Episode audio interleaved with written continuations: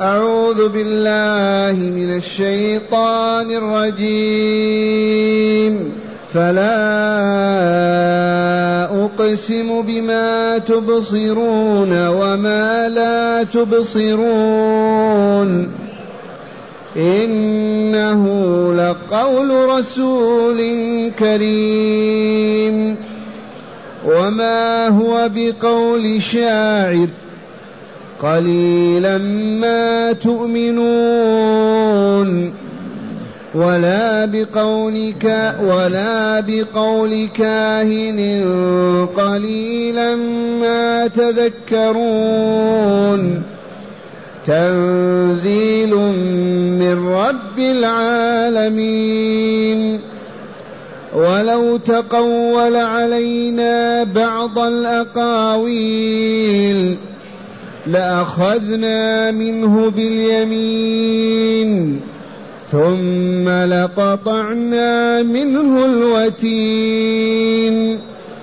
فما منكم من أحد عنه حاجزين. وإنه لتذكرة للمتقين.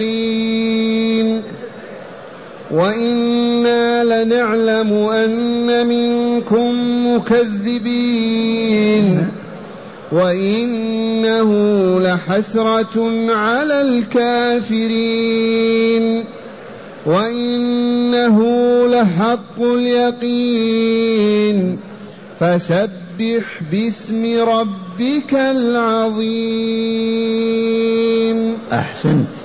معاشر المستمعين والمستمعات من المؤمنين والمؤمنات.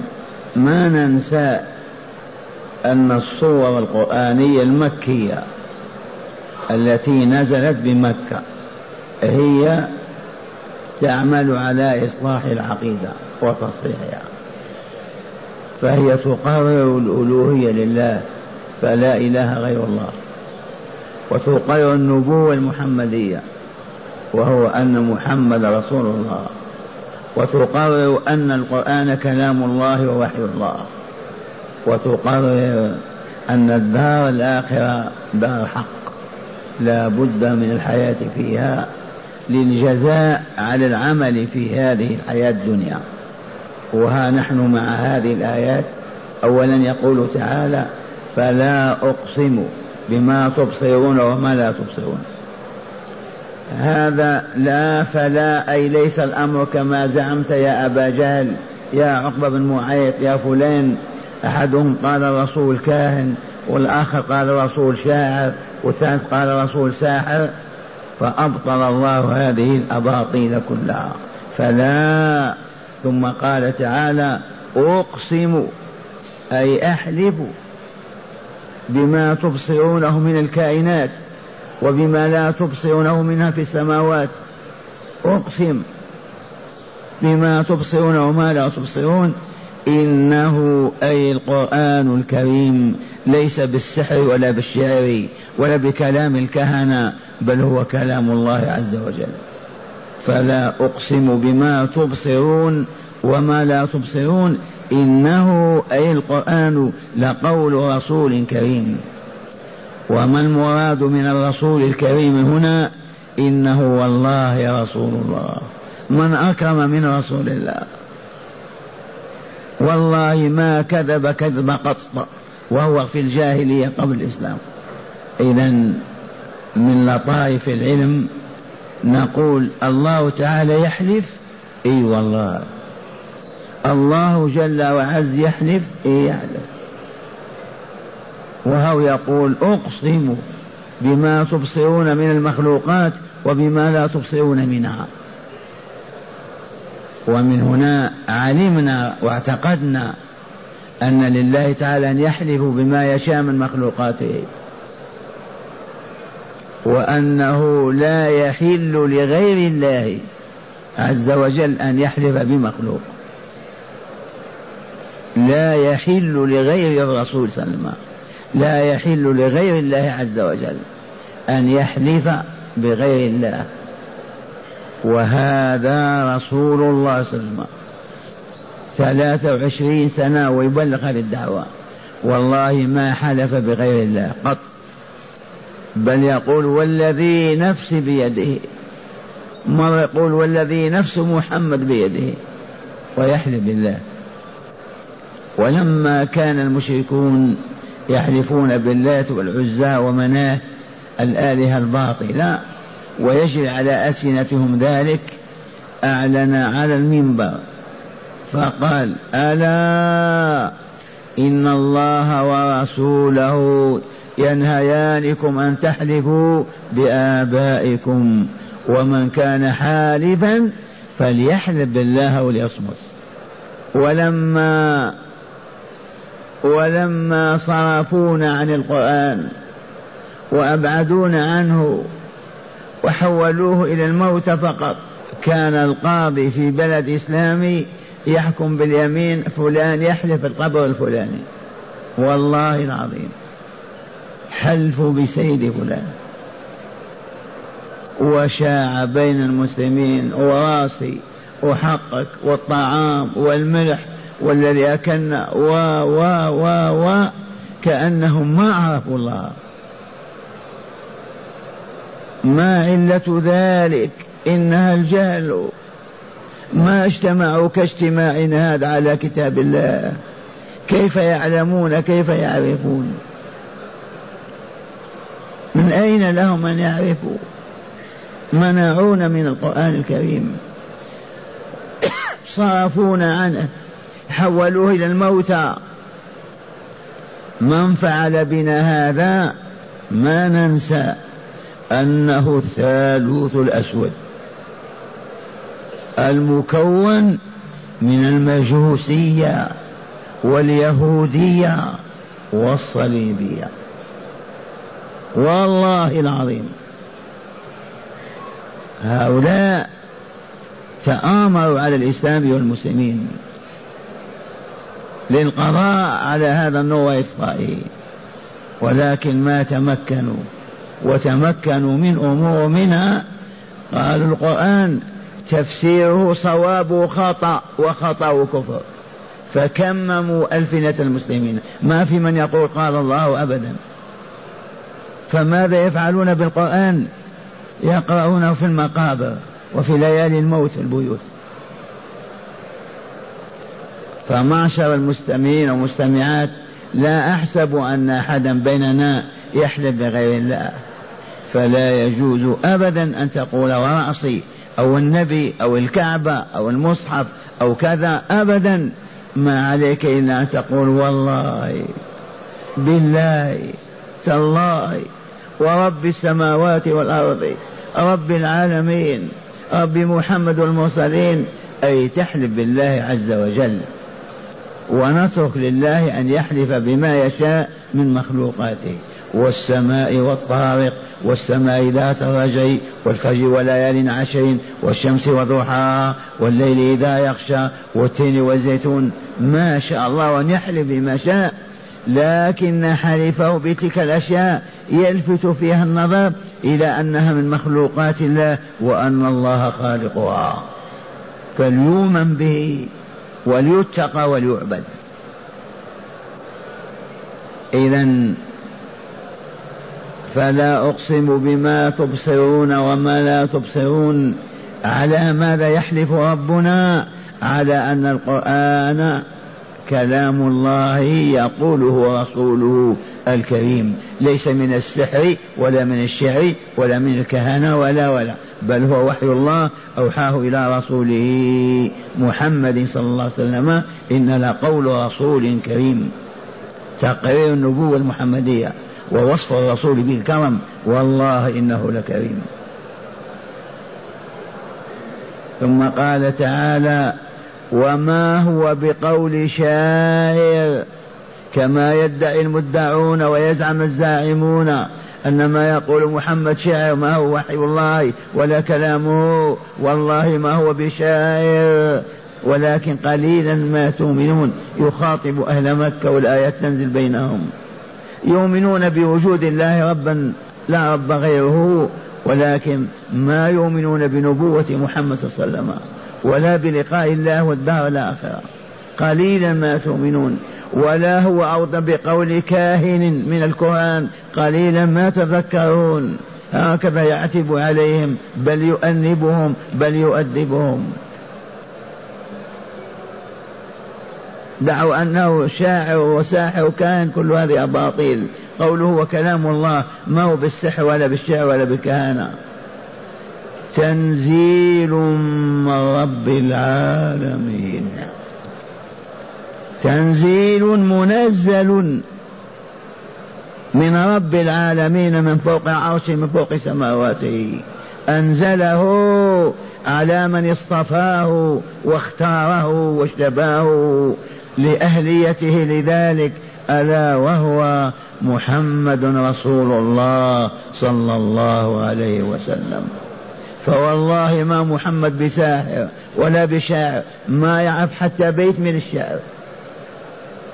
مرة أراد أن ينطق بيت من الشعر ما أحسن النطق بها. إذا وإنه لتنزيل رب العالمين. تنزيل من رب العالمين.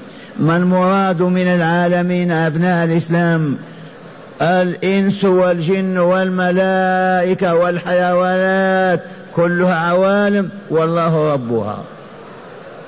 أي خالقها أولا ومدبر أمرها ثانيا ومصيرها إليه ثالثا وهو الإله الحق وما عداه فإله باطل. تنزيل من رب العالمين. ثم قال تعالى ولو تقول علينا محمد بعض الأقاويل لفعلنا وفعلنا به. ووالله ما يكذب رسول الله عن الله. والله ما قال كلمة أبدا في حياته كذبا على الله. أراد أن ينتزع من صدور هؤلاء الجهال الذين يزعمون أن الرسول ساحر وشاعر وكان ويكذب على الله ويقول قال الله والله ما قال.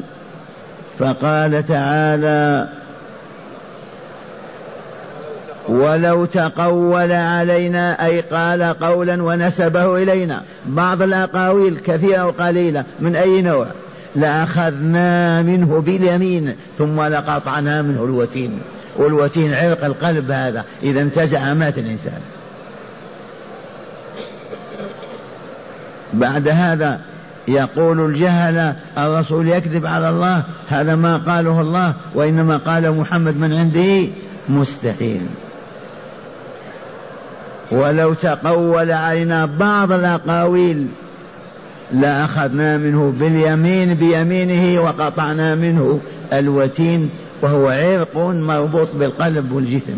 إذا انتزع العرق مات الإنسان. ولو تقول علينا بعض الأقاويل يعني قال قول ونسبه إلينا ونحن ما قلنا ما أمرنا ولا نهينا ولا أخبرنا لأخذنا منه باليمين ثم لقطعنا منه الوتين. فما منكم من أحد عنه حاجزين. من يحجز الله إذا أراد أن يأخذ حياة محمد؟ من يقوى أن يحجز الله عن قتل نبيه لو أراد أن يقتله؟ لا أحد أبدا. إذا فرسول الله حاشا أن يكذب على الله وأن يقول قال الله والله ما قال أو يقول حرم الله والله ما حرم أو يقول أوجب الله والله ما أوجب. مستحيل هيات هيات أن يقول محمد كلمة ما قالها الله وهذا البرهان القاطع. لو تقول علينا بعض الأقاويل لأخذنا منه باليمين ثم لقطعنا منه الوتين. فما منكم من أحد عنه حاجزين. من يقوى أن يخلصه منا إذا أردناه؟ لا أحد. وهكذا يقرر النبوة المحمدية ويقرر أن القرآن كلام الله. ليس من كلام الشعراء ولا السحرة ولا الكهان أبدا. ما هو من كلام محمد صلى الله عليه وسلم. هو كلام الله والرسول يقوله وينطق به. وإنه لتذكرة للمتقين. وإنه أي القرآن العظيم تذكرة ذكرى للمتقين ينتفعون بها. إي والله. المتقي ذاك الذي خاف من الله. خاف عقاب الله خاف من عذاب الله. فأطاع الله فيما أمره به وأطاعه فيما نهوا عنه. هذا المتقي الذي اتقى عذاب الله بطاعة الله هذا يجد الذكر والموعظة في القرآن الكريم. والله العظيم. يجتمعون على القرآن والله يبكون. إذا سمع القرآن يبكي وتدفع عينه الدمع ذكر للمتقين القرآن الكريم. ما هو بالسحر ولا بالشعر ولا بالجنون ولا ولا. وإنه لتذكرة. لمن؟ للمتقين. أما الفاجرين الفاسقين الظالمين الهلكة الذين عميت قلوبهم ما يجدون في ذكر ولا موعظة. أبدا. بل كانوا يغلقون آذانهم. حتى ما يسمعوا. إذا سمعوا القرآن أغلقوا آذانهم. ما يسمعون. وهم الكافرون والمشركون والمكذبون. ثم قال تعالى وإنا لنعلم أن منكم مكذبين. يخبر تعالى بهذا الخبر العظيم. إن رب العزة والجلال والكمال لنعلم علما يقينيا وكيف لا وهو خالقهم وخالق كلامهم.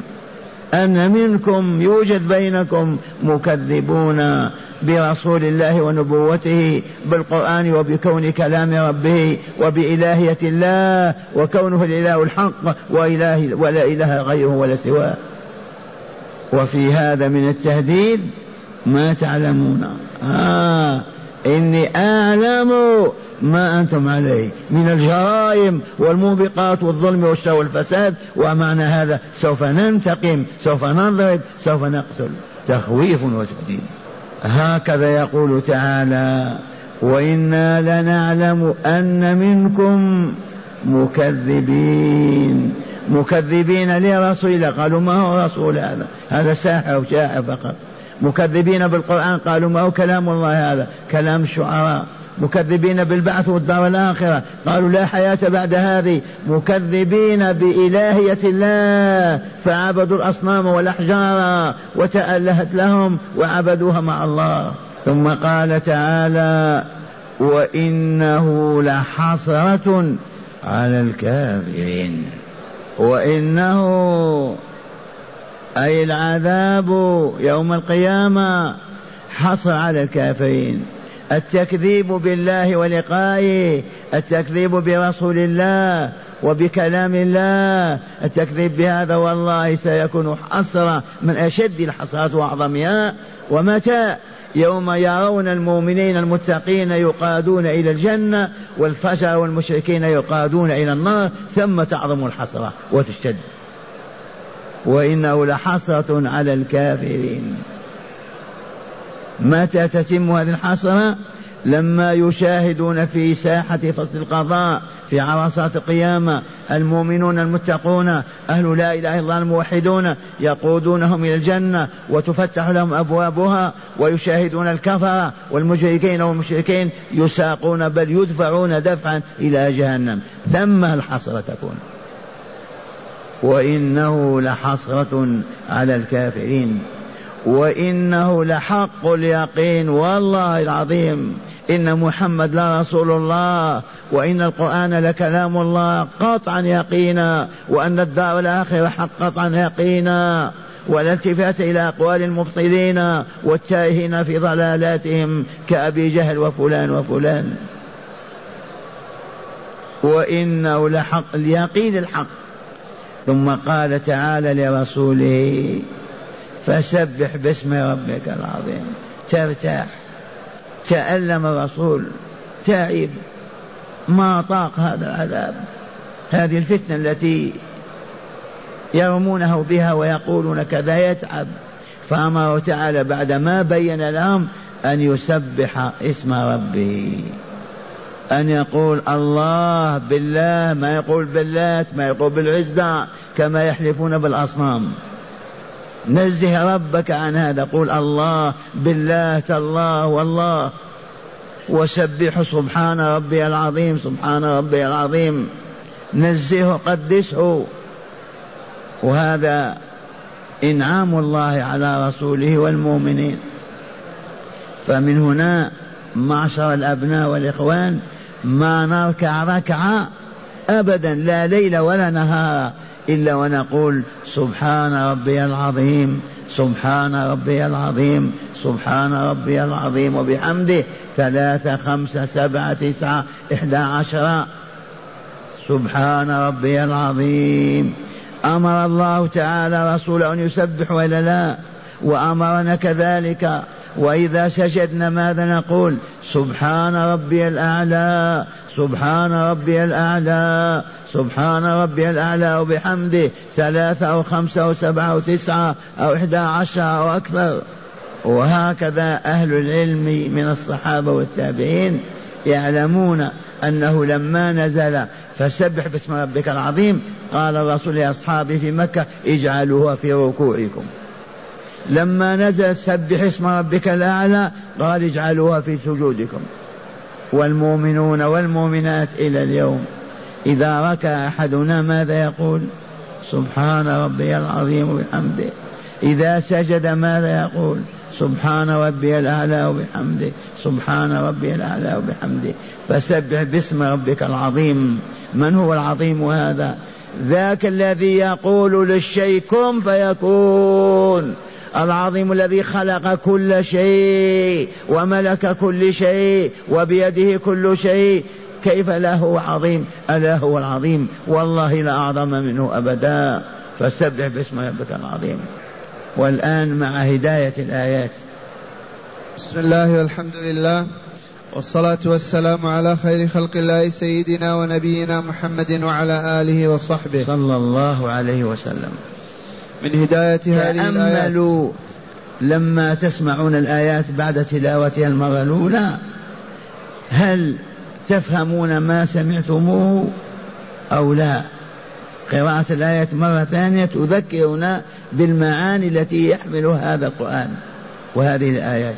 هاتي من هداية هذه الآيات أولا لله تعالى أن يحلف بما شاء من مخلوقاته لحكم عالية وليس للعبد أن يحلف بغير بغير الرب تعالى. إي والله.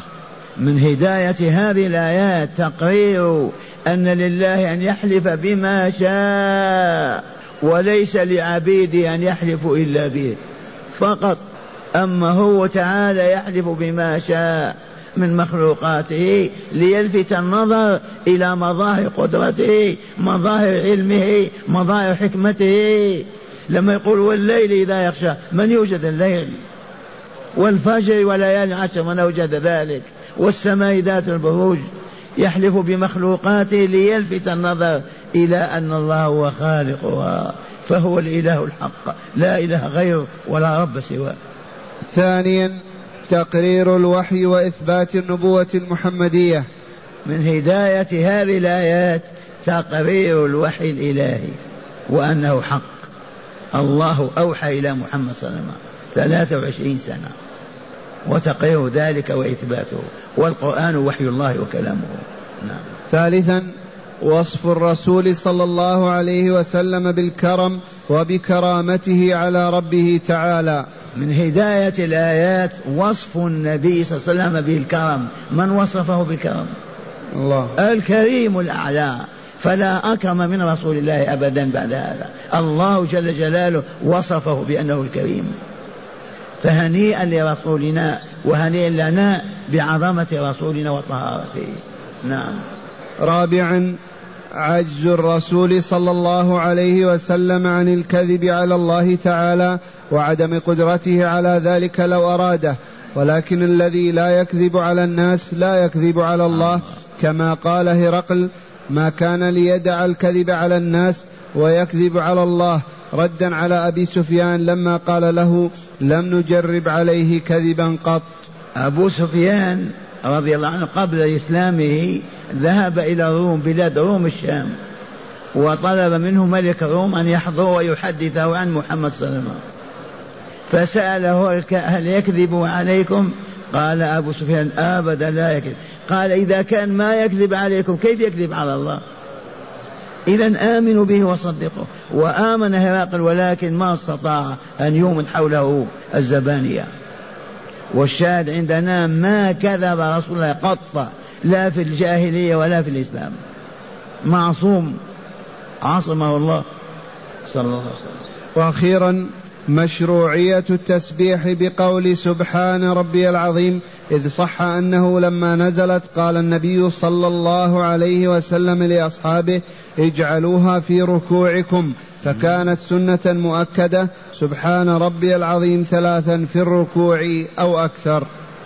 ومع هذا اذكروا قول الحبيب صلى الله عليه وسلم كلمتان خفيفتان على اللسان ثقيلتان في الميزان حبيبتان إلى الرحمن سبحان الله وبحمده سبحان الله العظيم لا بد من ورث كل يوم مئة مرة.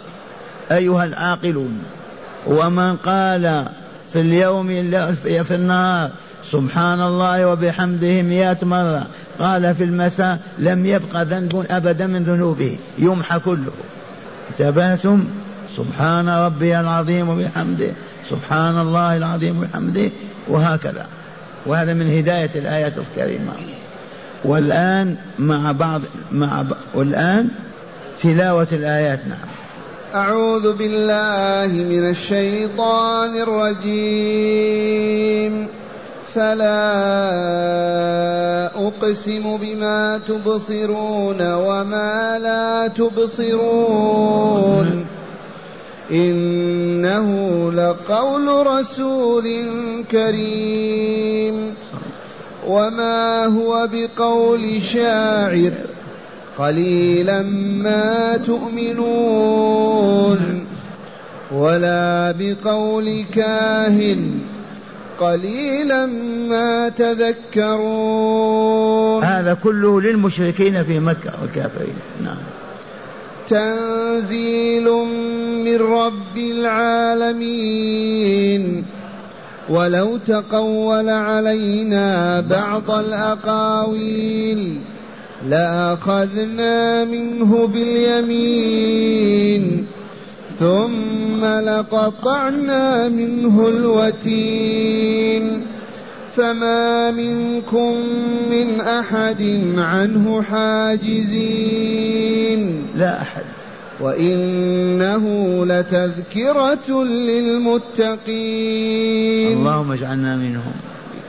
وإنا لنعلم أن منكم مكذبين وإنه لحسرة على الكافرين حق وإنه لحق اليقين نعم.